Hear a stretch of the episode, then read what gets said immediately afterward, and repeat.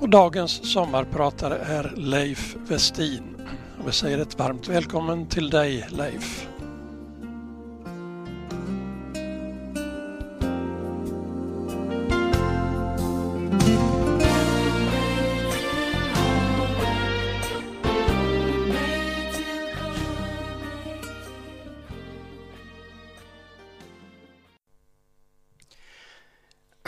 Kära lyssnare, välkommen till programmet. Roligt om ni vill vara med. Mitt namn är Leif Westin. Bor i den tätortsnära landsbygden med mindre än 30 minuters bilresa till närmaste tätort med mer än 3000 invånare. Det där var den något tungfotade definition som Glesbygdsverket snickrade till för att beskriva läget för orter som Bredbyn. Om det var därför Glesbygdsverket fick byta namn och flytta ut från Östersund till Stockholm vet jag inte. Men det heter numera Tillväxtverket och är kanske mest bekant för sin grandiosa fest för en dryg halv miljon på just Grand Hotel. Generaldirektören fick sparken och verket böta. Det var det lindriga straffet för att man lämnade Norrland. Myndigheter ska väl flytta ut från Stockholm och inte in från landsbygden. Eftersom jag numera bara gör det jag tycker verkar kul tackade jag omedelbart ja till att få sommarprata i, i radion. Efterhand blev jag dock lätt eftertänksam. Vad kan intressera en lyssnarskara? Måste det inte vara både briljant och spektakulärt? Jag är ju varken artist, programledare, författare, långvarig fängelsekund eller uppburen idrottsman. Har inte pinkat i någon juckapalm i någon teaterfoajé eller stalkat en kändis. Så jag självskannar mina möjligheter. Har jobbat som lärare i stort sett utan avbrott i 44 år. Trivdes bra både framför och bakom katedern. Ja, det gjorde jag också lumpen, äktenskapet och fritiden. Har haft samma fru i över 50 år och det beror inte på bristande företagsamhet. Det bästa jag gjort är mina fyra barn med ty åtföljande elva barnbarn. Ett helt fotbollslag med idel härliga spelare. Om meningen med livet och evolutionen är att sprida sina gener så har jag lyckats. Frågan är bara vad man ska göra sen. Men jag säger som Torgny Lindgren, livet är i stort sett en meningslös historia, men trivsam. Alltid betalat skatt men tyvärr aldrig kommit över gränsen stats och värnskatt. En barndom utan större problem. Inte ens en avvikande sexuell läggning att beskriva. Och utdrag ur brottsregistret visar inte mycket. Möjligen en felparkering, någon fortkörning. Och det tror jag.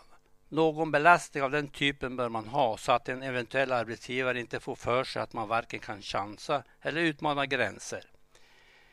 Demoner att bekämpa har jag inte. Ja, det skulle vara de hiskeliga drömmar jag får av blodtrycksmedicinerna.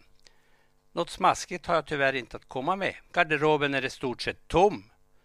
För att betala svart några gånger räknas väl inte. Det mest livsfarliga jag gjort är att röka filterlösa John Silver i många år. För att inte nämna både cancer och hjärtproblem som vår förnämliga sjukvård fixat. Hade jag levat i en annan tid vore jag död två gånger om. Men hur som helst. Lars Norén skulle ha svårt att få ihop material till en pjäs. Så det får väl bli något om vad som intresserar mig och något om vad jag tycker. Min musiksmak är lite spretig. Håret på underarmarna kan resa sig av en psalm lika väl som av storbandsjazz. Tysk garagerock med gaffeltryck i basen har jag däremot direkt svårt för. En viss förkärlek ända för swingepokens giganter. Här får ni ett smakprov. Den sofistikerade och elegante jazzlegenden Teddy Wilson spelar piano som ingen annan. Moonglow spelades in när jag var nyfödd.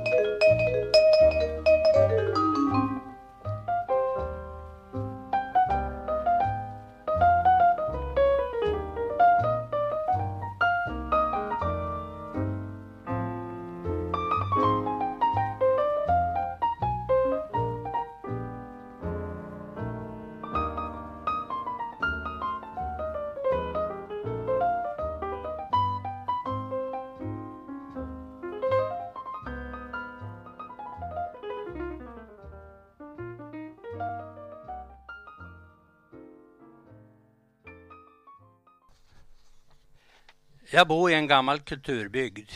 I Anundsjö har det alltid bott människor. Ända sedan istidens slut och landet stigit ur havet och de första jägarna nyfiket kom gående för att söka nya jaktmarker. På norra sidan Anundsjösjön finns ett tiotal bosättningar från yngre stenåldern.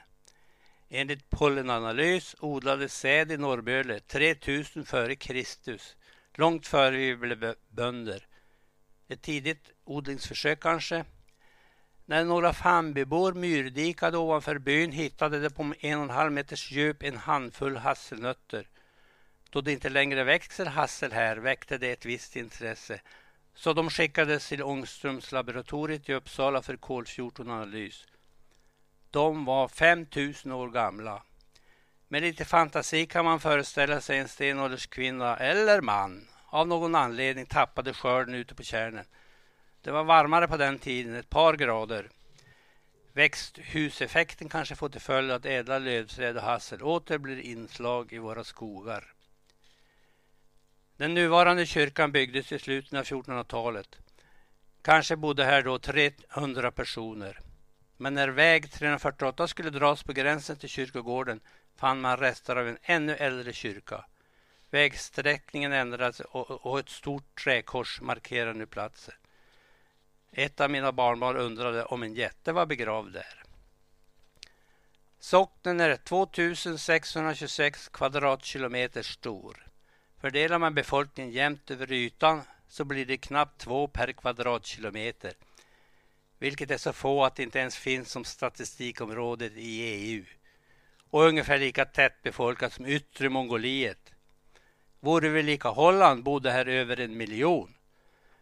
Så inte undra på att en och annan holländare köper en ödegård i kommunens utkant och tycker att det är underbart tyst och lugnt.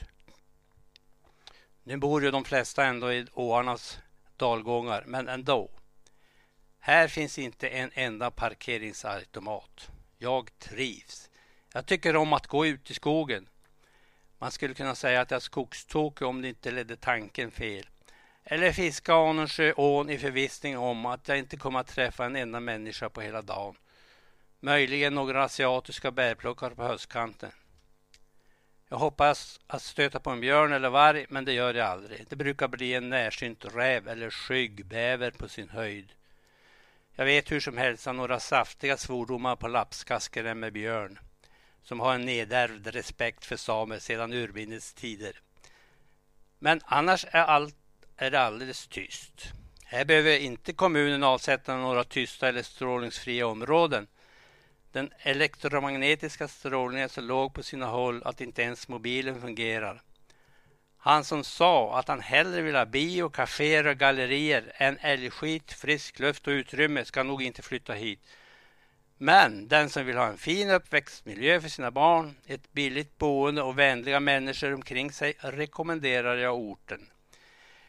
Äventyrsbad har jag i södra Anundsjåd och vi har ett fotbollslag som får stadslag efter Norrlandskusten att bita gräs och slita sitt hår. Den bästa skidskytten i riket är härifrån. Snart nog förstärker vi svenska damlandslaget i skidskytte också. Så jag förstår egentligen inte varför Anundsjö har den största befolkningsminskningen i kommunen. Fortsätter det så här finns det snart lika många älgar som människor, eller så få som på 1400-talet.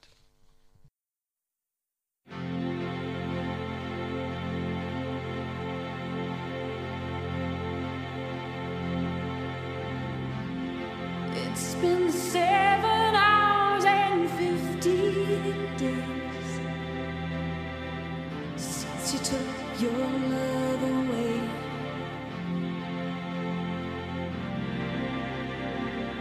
I go out every night and sleep all day since you took your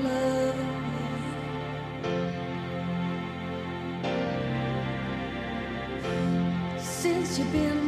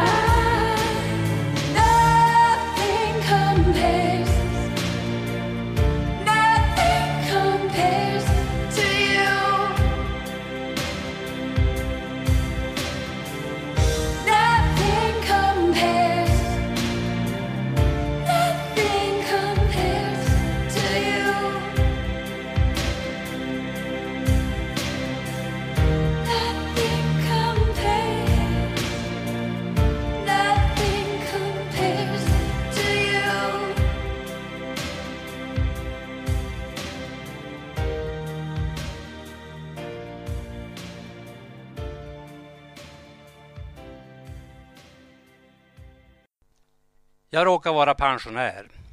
Riktigt hur det gick till har jag svårt att förstå.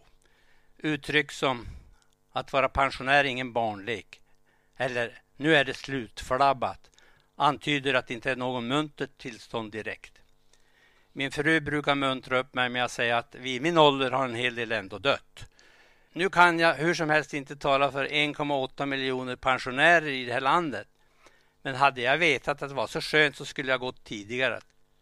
Att ligga i sin säng och höra det arbetande folket köra igång vid sextiden känns nästan oförtjänt behagligt. Jag tröstar mig med att jag jobbat 44 år och skrapat ihop pensionspoäng så det räcker. Född på 40-talet anses jag dessutom inte längre vara jätteproppen Orvar eller Köttberget som hindrar ungdomar att komma in i arbetslivet.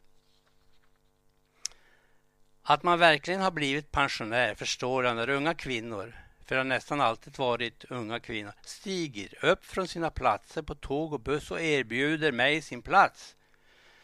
I början blev jag rakt förvånad och nästan förnärmad.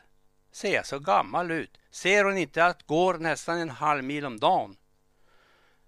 När man var liten blev man stolt när någon sa att man var duktig för sin ålder. Lite av det sitter tydligen kvar. Sedan sjönk jag tacksamt ner på platsen och sneglade försiktigt i smyg på den barmhärtiga som framstår som ovanligt vacker. Jag har också märkt att kassörskor oftare nu än förr upplyser om att man ska trycka på gröna knappen när man betalar med kort.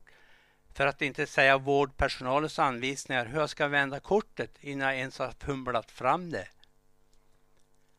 Har någon av er tryckt på belysningsknappen för att få upp hotellhissen? Men visst är det enkelt att kunna hänvisa till att det nog är åldern som är orsaken till en det ena och det andra. Eftersom jag tillhör ett litet exklusivt och visionärt parti, Centerpartiet, så är jag van att dela ut valmaterial och det slår aldrig fel. Är det någon som håller inne handen, fnyser föraktfullt och säger att sån skit befattar jag mig inte med, så nog är det något ur det manliga släktet med hår på bröstet. Kvinnor tackar för broschyren och säger att de ska gå hem och noga läsa igenom för att ta ställning. Sen röstar de på ett annat riksparti av valresultatet att döma. Men det är en helt annan sak.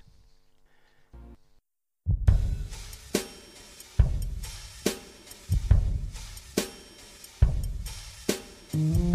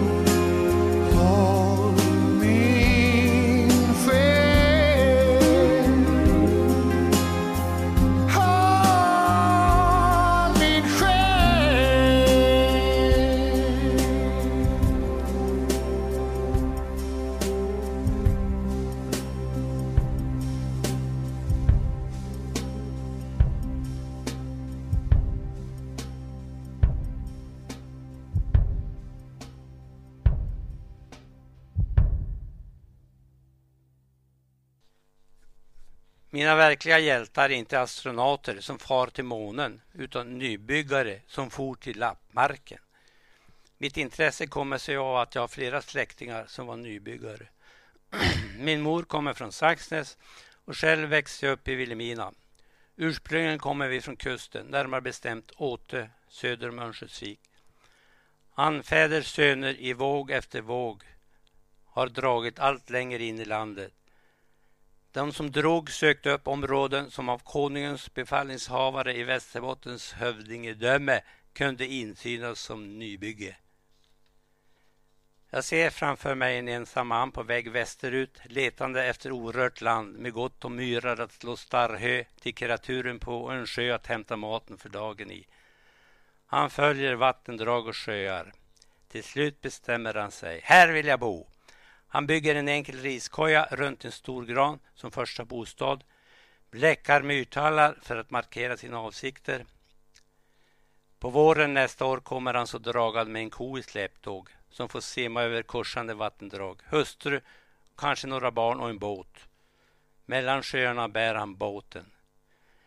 Förlitande sig på sina egna händers förmåga och uthållighet ska han nu förverkliga sina drömmar. Forskli, folklivsforskaren O.P. Pettersson har i sitt livsverk Gamla byar i Vilhelmina beskrivit nybyggarnas liv. Genom ihärdigt och tungt arbete under alla slags försakelse och ofta i bitter nöd upparbetade de åt sig själva och efterkommande släkten hem och härd, nybyggen och hemman.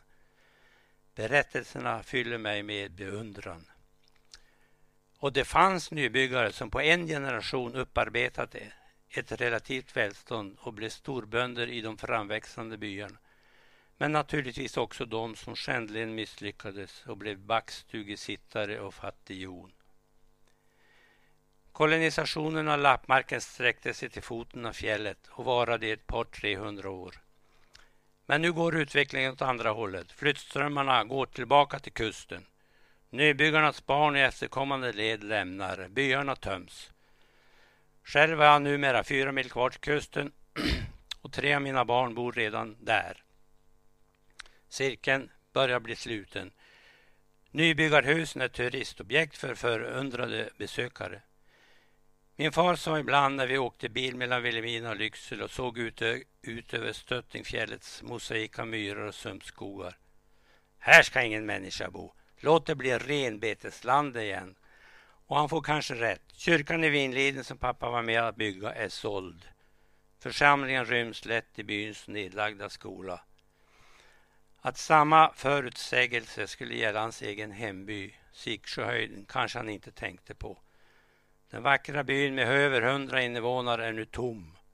Alla har dragit sin kos. Och det är kanske inte konstigt. Människan flyttar till platser där de tror framtidsutsikterna är de bästa. Eller i vart fall bättre. Någon skattebefrielse som nybyggarna hade finns inte längre. Och någon lokal skatt på vattenkraft, skogen, vinden och gruvorna tycks inte intressera något riksparti att införa. Så jag får väl spela Fly Me To The Moon. That's Johnny Mercer and Harold Arlen.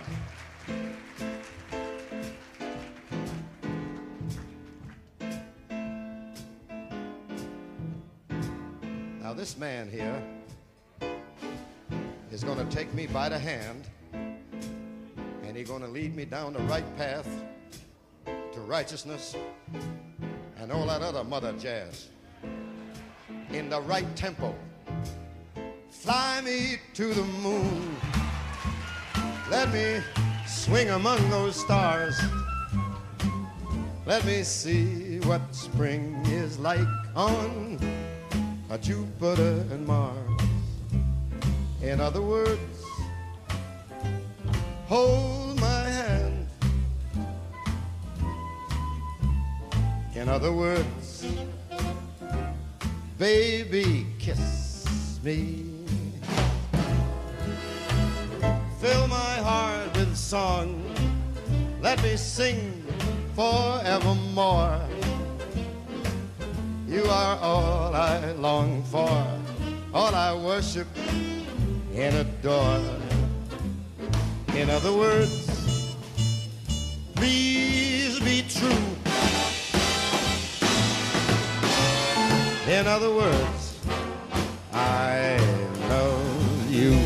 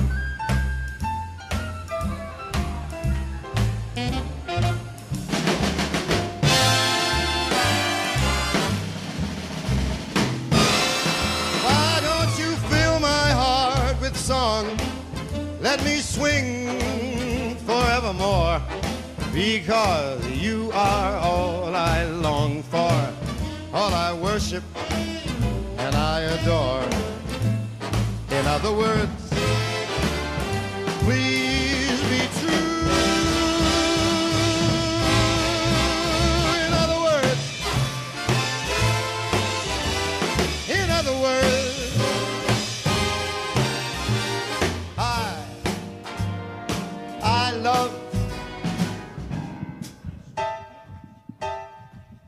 you. Vi 40-talister har haft medvind. Staten har varit god mot oss. Vi har haft turen att födas mellan den generation som slet ut sig och den generation som har svårt att få livspusslet att gå ihop. Vi är dessutom den första ungdomsgenerationen med en egen kultur. Vi klädde oss i jeans, lyssnade på rock och pop och åkte runt i moped och bil. Vänd dem inte ryggen var kultfilmen där Bill Haley brakade loss med Rock around the clock i inledningen. Jag minns att jag tyckte den låten var helt osannolikt bra och spelade den på Stenbanks konditori i Vilhelmina om och om igen. Ja, kanske vi också kommer att skapa den första pensionärsgenerationen med en egen kultur. Vi köper en stadsjeep, kryssar i östra medelhavet, går på Bruce Springsteens och Stones konsert i Friends Arena och det fattas bara att haschungarna är lika täta som när ungdomarna är på plats. Vi kunde bygga en egen villa, statliga bostadssubventioner, räntebidrag och en rejäl inflation hjälpte till att betala för huset. Till det en värdestegring som gjort att en del sitter i en mindre förmögenhet. Det gick aldrig att bli rik på lönearbete, men det har gått genom att smälla upp ett hus i ett attraktivt område. Staten gör visserligen sitt bästa för att ta tillbaka så mycket som möjligt genom en maffig reavinstbeskattning, men ändå. Clint Eastwood av alla är en av mina favoriter. Inte för hans roll som snuten Dirty Harry utan för sin attityd. Han gör fortfarande filmer, ett par om året. Ibland riktigt bra prisbelönta. Försöker inte vara till lax utan går sin egen väg. Han arbetar jämt, påstår hans fru. Har till och med varit politiker. Han intresserar sig för sjukvårdsfrågor och läser flera medicintidskrifter. Om detta sker med en rykande revolver vid sidan förtäljer inte intervjuerna. Han är född 1930, tio år äldre än jag. Ronald Reagan avgick som president vid 78 års ålder. Inte vid 68 utan 78. Hade han bott i Sverige hade han för länge sedan fått lägga av. Gått med i någon pensionärsförening, klagat på den orättvisa beskattningen, spelat boll på torsdagarna, utövat qigong i parken på fredagar och rest på en tulpanresa till Holland på vårkanten. Nu, var, nu var han vald av folket att leda klotets viktigaste nation. Alf Svensson lämnade nu politiken, 73 år gammal, främst för att slippa alla kommentarer kring sin ålder vid kommande EU-val. Sveriges attityd till äldre personer är egendomlig i ett internationellt perspektiv. Tony Bennett, 87. Ja, ni hörde rätt. 87 år. Sjunger lika bra nu som när det begav sig. Han har sjungit för 11 presidenter och Frank Sinatra tycker han är den bästa sångaren i branschen. Här sjunger han med den 60 år yngre Amy Winehouse. Som talangfull och uppburen sångerska är det svårt att begripa att hon hade så stora drogproblem att hon skulle behöva dö av alkoholförgiftning, 27 år gammal. Faktiskt är inte denna inspelning den sista hon medverkade i. Tony, 87, Sjunger vidare. Han har långt kvar till sista versen.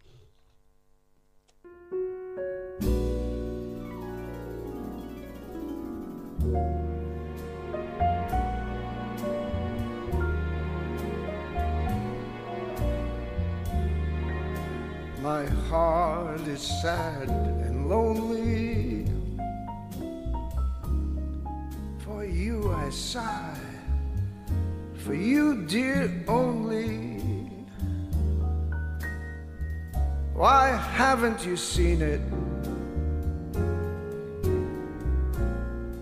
I'm all for you, body and soul. I spend my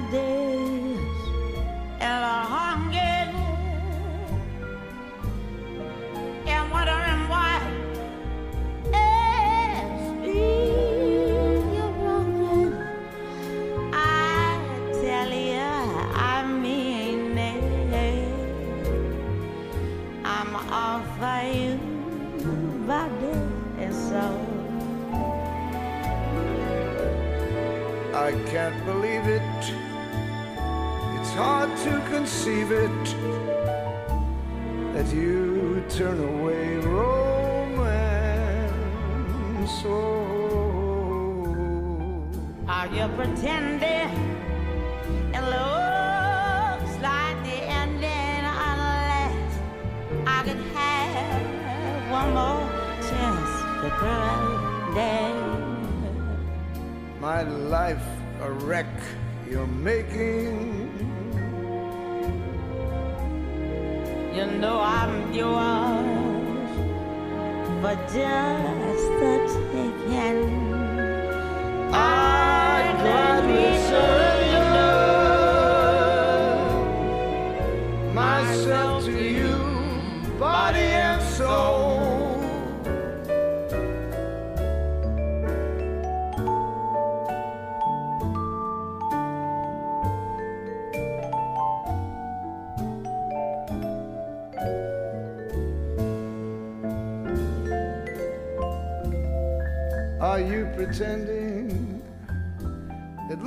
Like the ending.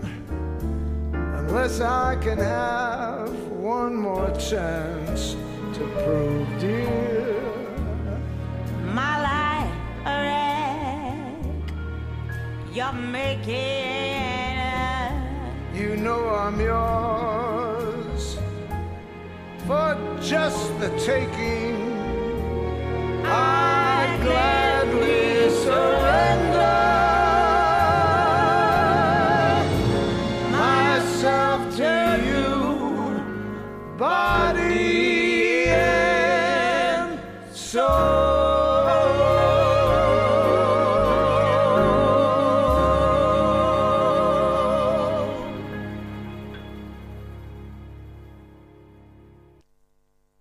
Ett av mina stora intressen är svamp. Både som sofistikerad delikatess och som biologiskt fenomen. Vad sägs om att världens största varelse mycket väl kan vara en svamp? Inte en afrikansk elefant eller atlantisk blåval, utan en honungsskevling. I skogen mellan Kanada och USA utbreder sig mycelet av en honungsskevling på 600 hektar som väger 100 ton. Kan man tänka på och imponeras av när man ser honungsskivlingar ringla sig kring trädstubbar i våra trakter. Svamp tar inte bara död på oförsiktiga svampätare utan också sjukdomsalstrande bakterier. En simpel mögelsvamp är ursprunget till förra århundradets största medicinframgång, penicillinet.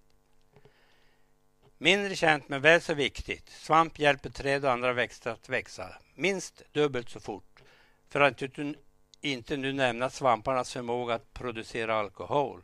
Alkohol är märkligt nog en ekologisk och ren naturprodukt.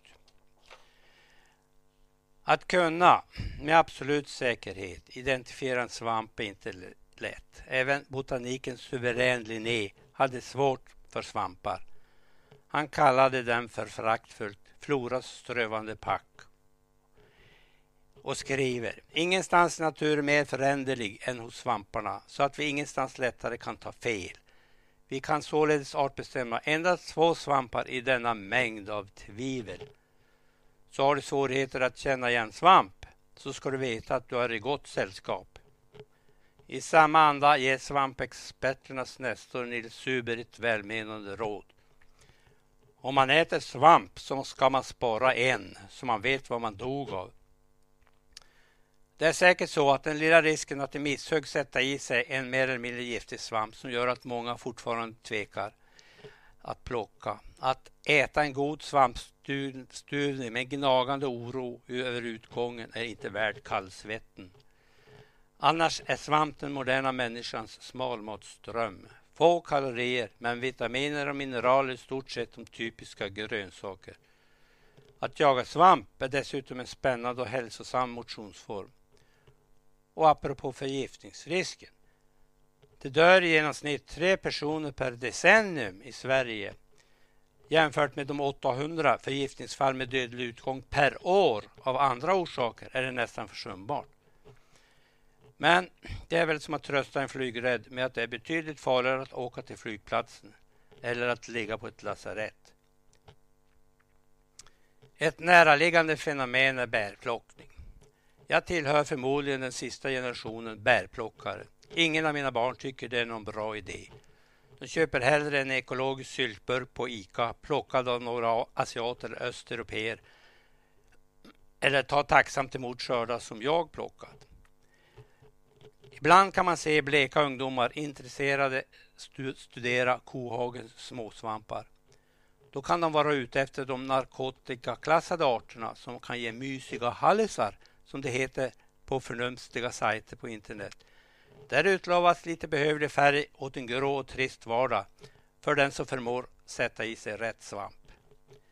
Inte sällan slutar det med besök på akuten. Men här ser var vad motivation kan betyda.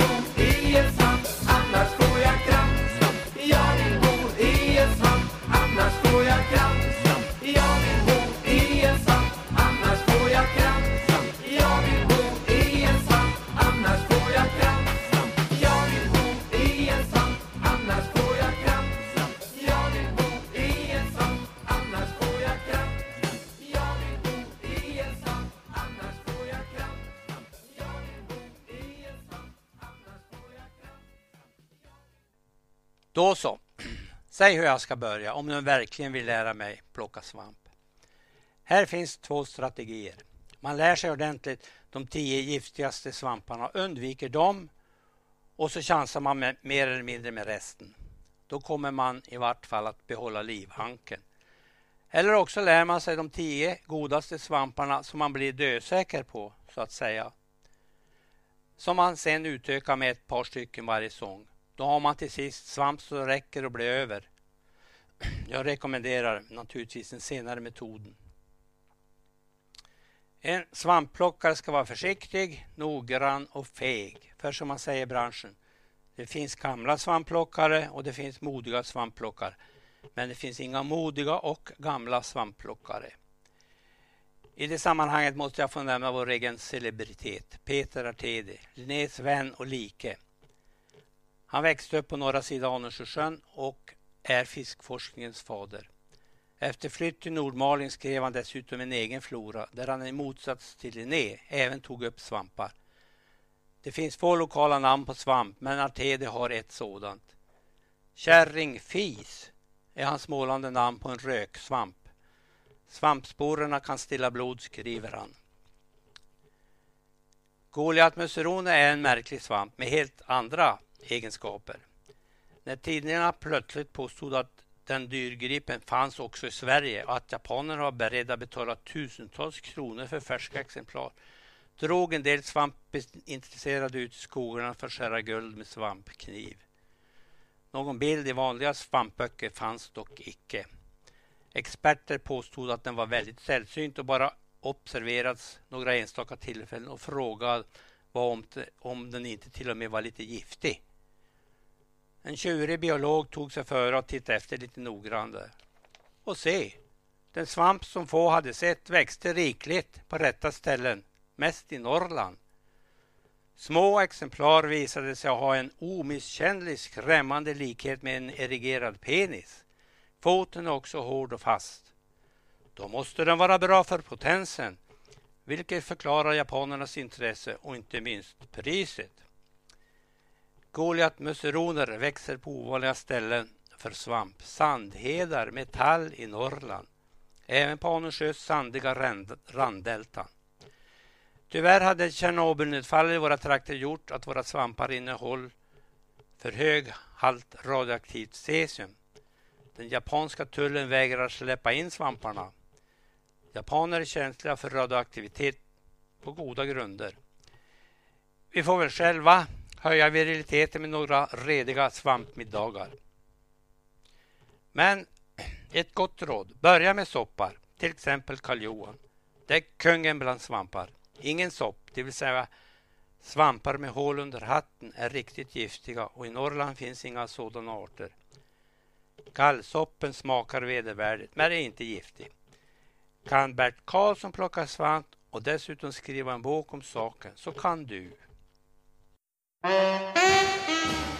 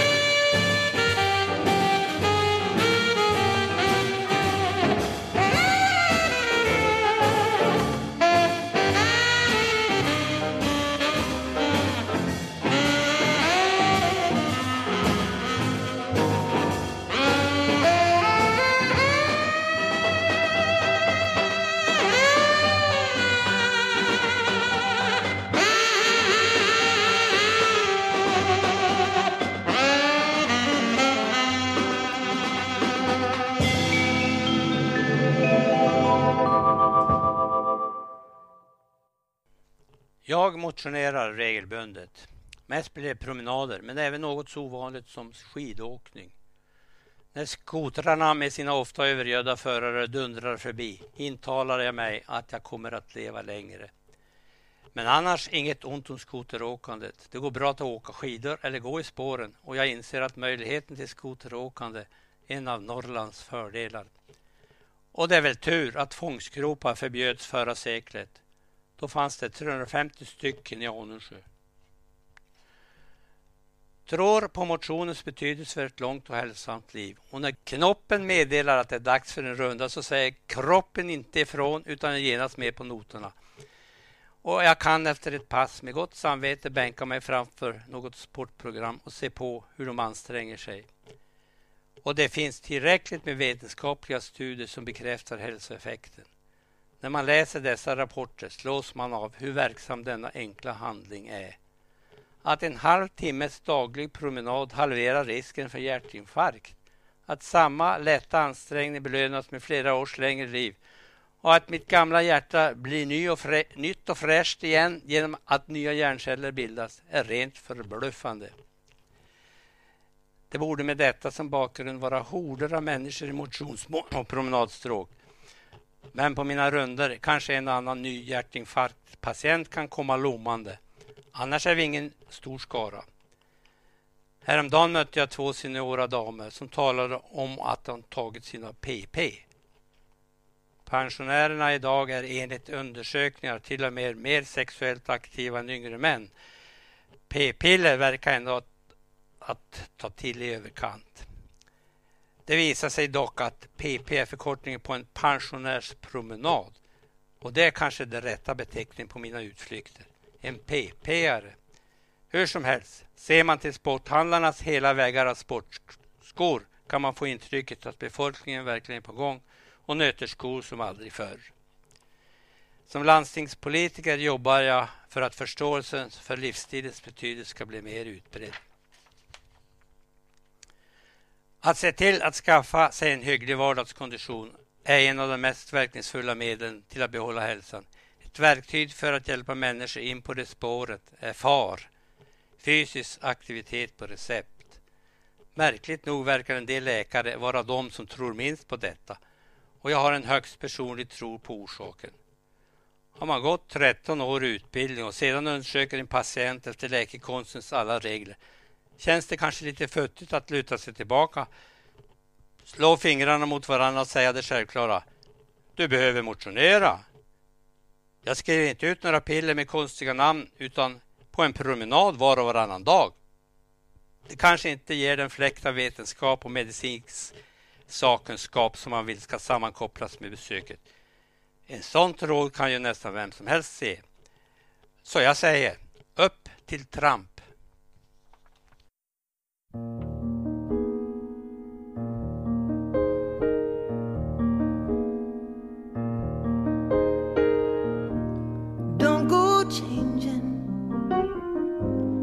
Try and please me.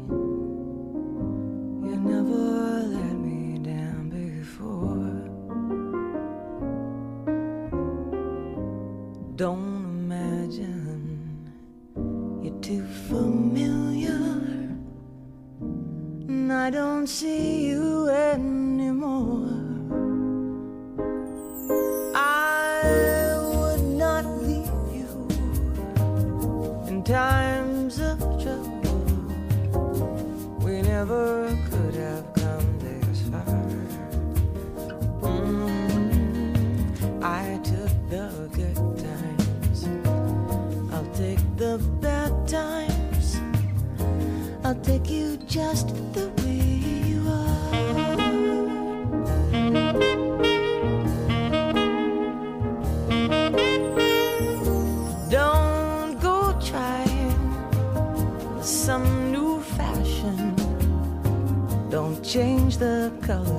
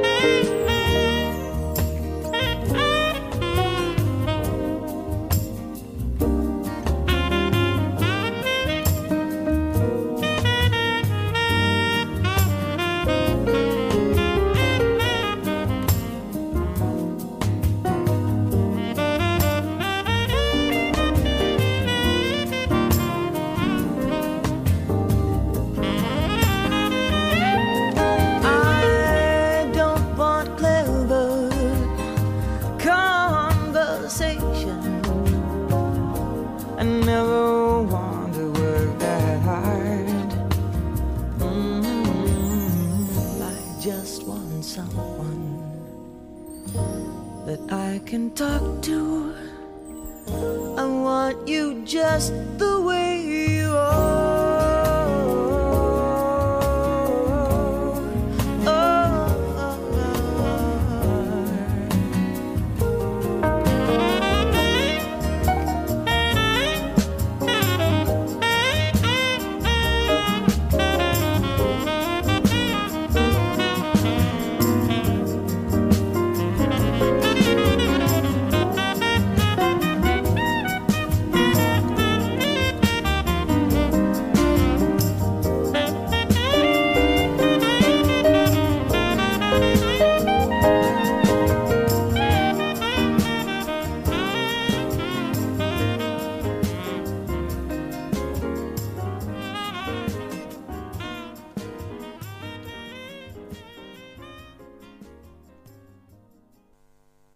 Vilka bra val har jag gjort i livet?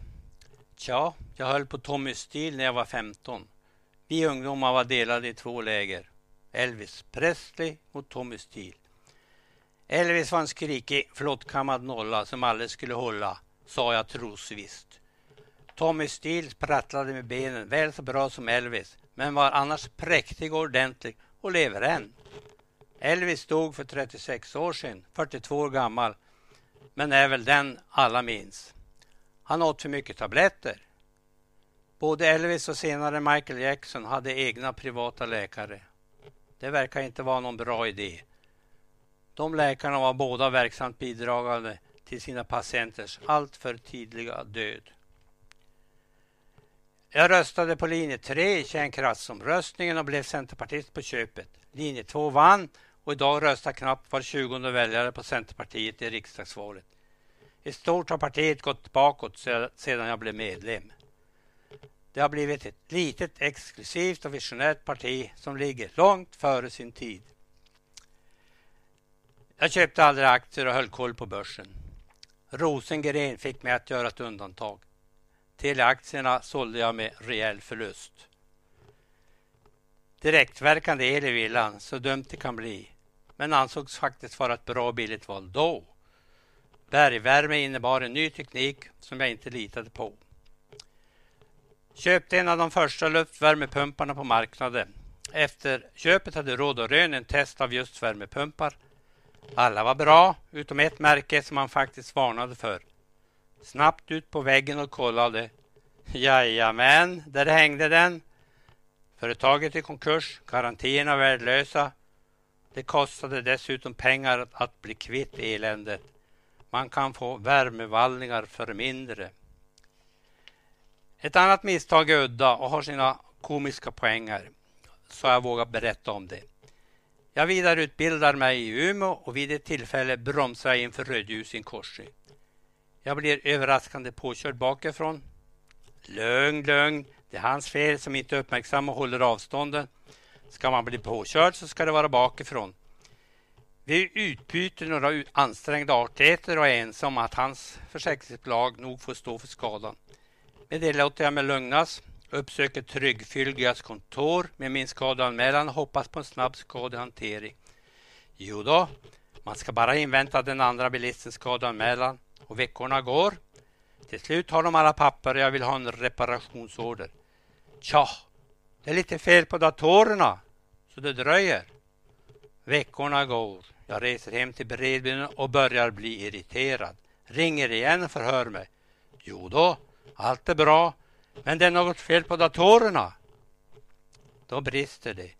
Kan ni inte ta era jävla dator, datorer ut på gatan och dra dem ett varv runt kvarteret så de får lite frisk luft och kan hicka fram ett besked? Kanske det. Men är du säker på att du är försäkrad hos oss? Visst fan är jag försäkrad hos er, säger jag upprört. Då den väna hustrun samtidigt passerar vänder jag mig till henne och väser. Visst är vi försäkrade i Tryggfylga? Nej men lilla gubbe, vi bytte ju för ett halvår sedan. Med min lenas röst får jag ur mig. Min fru påstår att vi är försäkrade i ett annat bolag.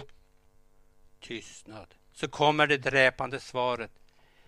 Kan du hälsa din fru att hon gör bäst i att ta ut dig på gatan och leder dig ett varv runt kvarteret. Lite frisk luft kommer att göra dig gott. Vill avsluta med en psalm. I decennier av skolavslut har jag nästan tårögd tillsammans med ungdomar sjungit om fagra blomsterängar, åkerns ädla säd och lundens gröna träd. Skolanslutningar i kyrkan är bland det svenskaste jag vet. Skolmiljö ska vara sekulär, men skolavslutningar är så traditionsmättade, så inkluderande och ljusa att det vore ett rent helgerån att stoppa verksamheten. Jag heter Leif Westin och önskar er en fortsatt fin sommar. Den blomstertid nu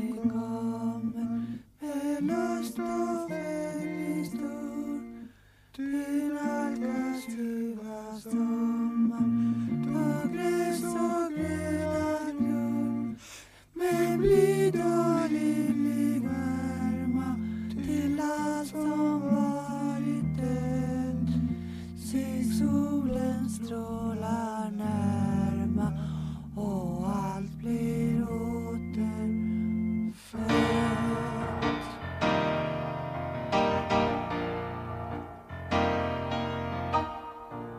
Den blomstertid. Nu kommer med lust och fägring stor. Du nalkas ljuva sommar. Då gräs och gröda gror.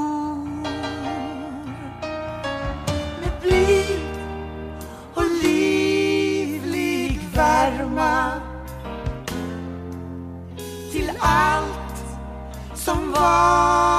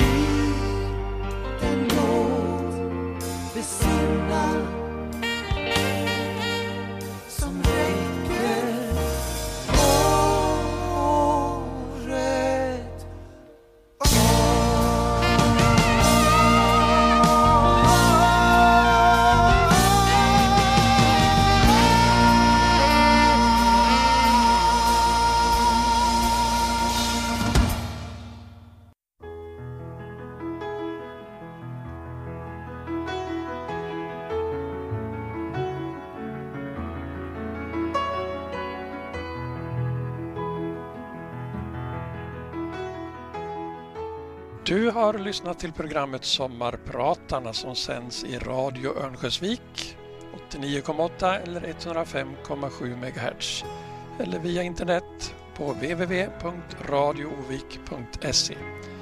Och programmet produceras av Radio Nolaskogs.